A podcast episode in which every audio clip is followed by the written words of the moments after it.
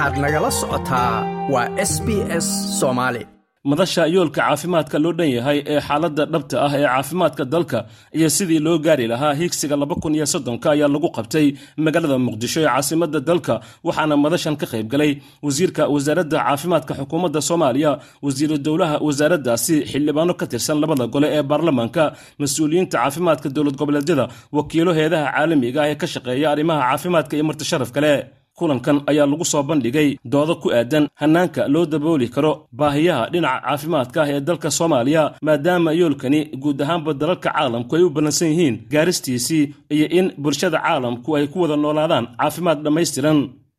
Wasiira dowlaha wasaaradda caafimaadka xukuumadda federaalk ee soomaaliya maryan maxamed xuseen iyo xildhibaanad khadre xasan oo goobta ka hadlay ayaa waxay sheegeen in dowladda federaalk ee soomaaliya ay qorshaynayso in adeegyada caafimaadka la gaarsiiyo deegaanada fogfog iyadoo yoolku yahay in dadka soomaaliyeed ay helaan caafimaad bilaashihii maanta oo ah maalin aada iyo aada u weyn maanta maxay tahay? Maxaa loo dabaaldegaa maxaa intaanu juhdi loo gelinaa waa inaan leenahay yool. Yoolkeennaas muxuu yahay? Waa yoolka aan rabno inaan dadkeenna soomaaliyeed ay helaan caafimaad oo free ah. Goob kasta ay ka heli karaan meel kasta ay ka heli karaan. Waxaan u leenahay waxaan rabnaa inaan gaarno labaatan soddon. Waa muxuu aha yoolkeenna ah toddoba sano ka bacdi qof kasta oo soomaaliyeed inuu heli karo service oo free ah. Oo muxuu ahaa qof kasta uu tegi karo oo muxuu daawadiis ka qaadan karo abkiisa ku heli karo wixiisa dhan ku heli karo. Waxaan ahay khatro waxaan ka tirsanahay guddiga caafimaadka. Waxaan ka ahay qeybta wasaaradda sida tooska ula shaqaysa aad baan ugu faraxsannahay inaan ka soo qayb galno wasaaradda dadaaladay wado runtii waa wax la taaban karayo wasaaraddu samaysay. Waana wax guul ah oo runtii la taaban karo.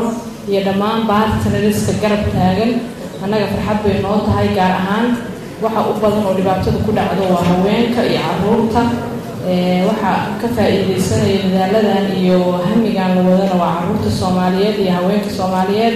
Wakiilo ka socday beesha caalamka iyo xubno ka mid a mas'uuliyiinta caafimaadka maamulada dalka ayaa iyaguna goobtaasi ka hadlay iyagoona dhammaantoodba isku raacay sida ay muhiimka u tahay in guud ahaanba dalka soomaaliya bulshada ku nooli ay u heli lahaayeen caafimaad dhammaystiran ugu dambayntii wasiirka wasaaradda caafimaadka xukuumadda federaalk doctor cali xaajib aadan ayaa halkaasi ka hadlay.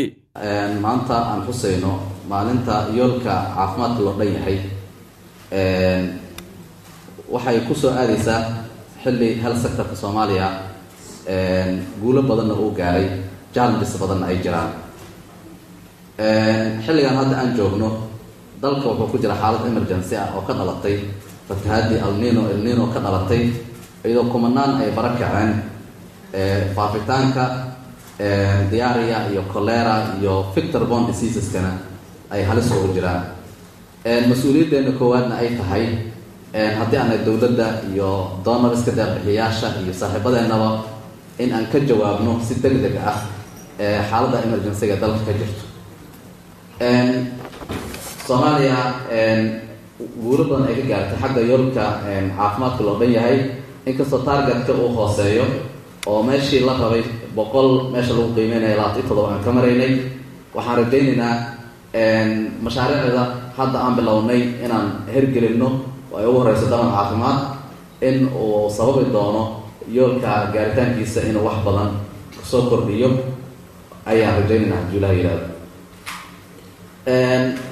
wasaaradda caafimaadka waxay dadaal badan ugu jirtaa sidii muwaadiniinta soomaaliyeed ay xuquuqda asaasiga ah ee ay caafimaadka u leeyihiin ay u heli lahaayeen ayagoo culays dhaqaale badanna aan la kulmin dhanka kale xilli weli saamayntii uu reebay fatahaadii webiyada iyo roobabka dayrta ay ka muuqato deegaano badan oo dalka ka mid ah ayaa hay'adda maarinta masiibooyinka soomaaliya waxa ay deeq gargaara ku wareejisay mas'uuliyiin ka tirsan hirshabeelle deeqdaasi oo la gaarsiiyey degmada jalalaqsi ee gobolka hiiraan halkaasoo ay ku dhibaataysan yihiin qoysas fara badan. Guddoomiye ku-xigeenka hay'adda maarinta masiibooyinka qaranka ee sodma ayaa ka hadlay goobta iyadoo ay goobjoog ka ahaayeen mas'uuliyiin ay ka mid yihiin wasiirka gargaarka iyo maarinta masiibooyinka dowlad goboleedka hirshabeelle waxa aan mar labaad joognaa xarunta gurmadka howlgalka gurmadka degdega ee hay'adda sodma ama hay'adda maaraynta masiibooyinka soomaaliyeed. Waxaa sharafno ah inay la joogto wasiirka maaraynta gargaarka iyo maaraynta masiibooyinka dowlad goboleedka hirshabeelle marwacaasho oo runaantaan ku faraxsannahay maanta inay halkaan nala joogto. Waxaan halkaan u joognaa in aan diro shixnad gargaara oo loo dirayo degmada jallaqsi oo ka mida goobaha ama degmooyinka ay saamaynta ba'an u geysteen fatahaadihii ilaa haddaba ay fatahaaduhu dhibaato ku hayaan biyuhuna ay maaragtay ceegaagaan meelo badan ama dhulkaas ay qabsadeen. Waxaan rabnaa in ay maaragtay deeqdani uun wuxuun ka tarto annagoo og baahidu inay ka ballaaran tahay sida ay tahay. Inay wuxuun ka tarto in dadkaas ay u qabato oo islamarkaana insha allahu tacaala ay ay gaadho waxaan runaantii rajaynaynaa horay mahadaay ayaan ugu diray sidan oo kale soddon gaari. Sidoo kalena insha allahu tacaala buulo burdana waa qorshaysan tahay in maalmaha soo socdaan u diro deeqdan waxay ka kooban tahay soddon gaari oo gaarigiiba wadalaa laba boqol oo kiish afartan shan kilogram midkiiba yahay. Guud ahaan marka la isku daro waa laba boqol dobaatan tan oo runaantii aan ugu talagalay inay gargaars gaadho degmada jallaqsi wasiirka gargaarka dowlad goboleedka hirshabeelle marwo caasho xasan iyo guddoomiyaha degmada jalalaqsi ayaa iyaguna goobtaasi ka hadlay iyaga oo sheegay in deeqdaasi la gaarsiin doono dadkii loogu talagalay gaar ahaan qoysaska ku dhibaataysan degmada jalalaqsi iyagoona aada ugu mahad celiyey hay'adda sodma. Maanta waxaan joognaa xarunta new york oo aan ku guddoomayno raashiin aan aan kala wareegayno hay'adda sodma loogu talagalay dadka tabaalaysan ee ku dhaqan degmada jallaqsi ee gobolka hiiraan. Maalmo ka hor waxaan kala wareegnay ilaa soddon gaari annagoo u dirnay degmada mahadaay ee gobolka shabeellada dhexe. Sidoo kaleeto insha allahu tacaala maalmaha soo socdo waxaan rajaynaynaa in sidoo kaleetana ay gaari doonto degmada buulo burte maalmaha ku xigana sidoo kaleeta ay gaari doonaan deegaanada dhammaan ay saameysay fatahaadaha ee uu ka kooban yahay dowladda hirshabeelle waxaan rabaa inaan u mahad celiyo hay'adda sodma kaalinteeda ku aadan gargaarka waa mahadsantihiin wuu nagala joogo gudoomiye ku-xigeenka hay'adda doctor axmed iyo tiimka new york waa mahadsantihiin. Waxaan joognaa xafiiskii sadma baahidii ka jirtay degmada jallaqsi oo dhowaan anigoo oynaya social media lagu arkayay. Si deg deg ay uga jawaabeen sadma aad aad ugu mahadsantihiin shaqada aad u haysaan bulshadiinna soomaaliyeed ee degan degmadiina jallaqsi. Waan arki doontaan sida aan annagana wax ugu qaybinno saaad wax noogu dhiibtaynaan u gey doonnaa aad aad ugu mahadsantihiin ajir allah idinka siyaan laynaa qof kasta oo waajibaad la saara. Waajibaadkiisi waxaa ku fiican in uu sida sadmo kale hadda mas'uuliyiinta sadma joogtoo kaleta ay uga jawaabaan. Waayo waa xilkii loo idmado ilaahay u idmaday iyo dowladda soomaaliyeed u idmatay.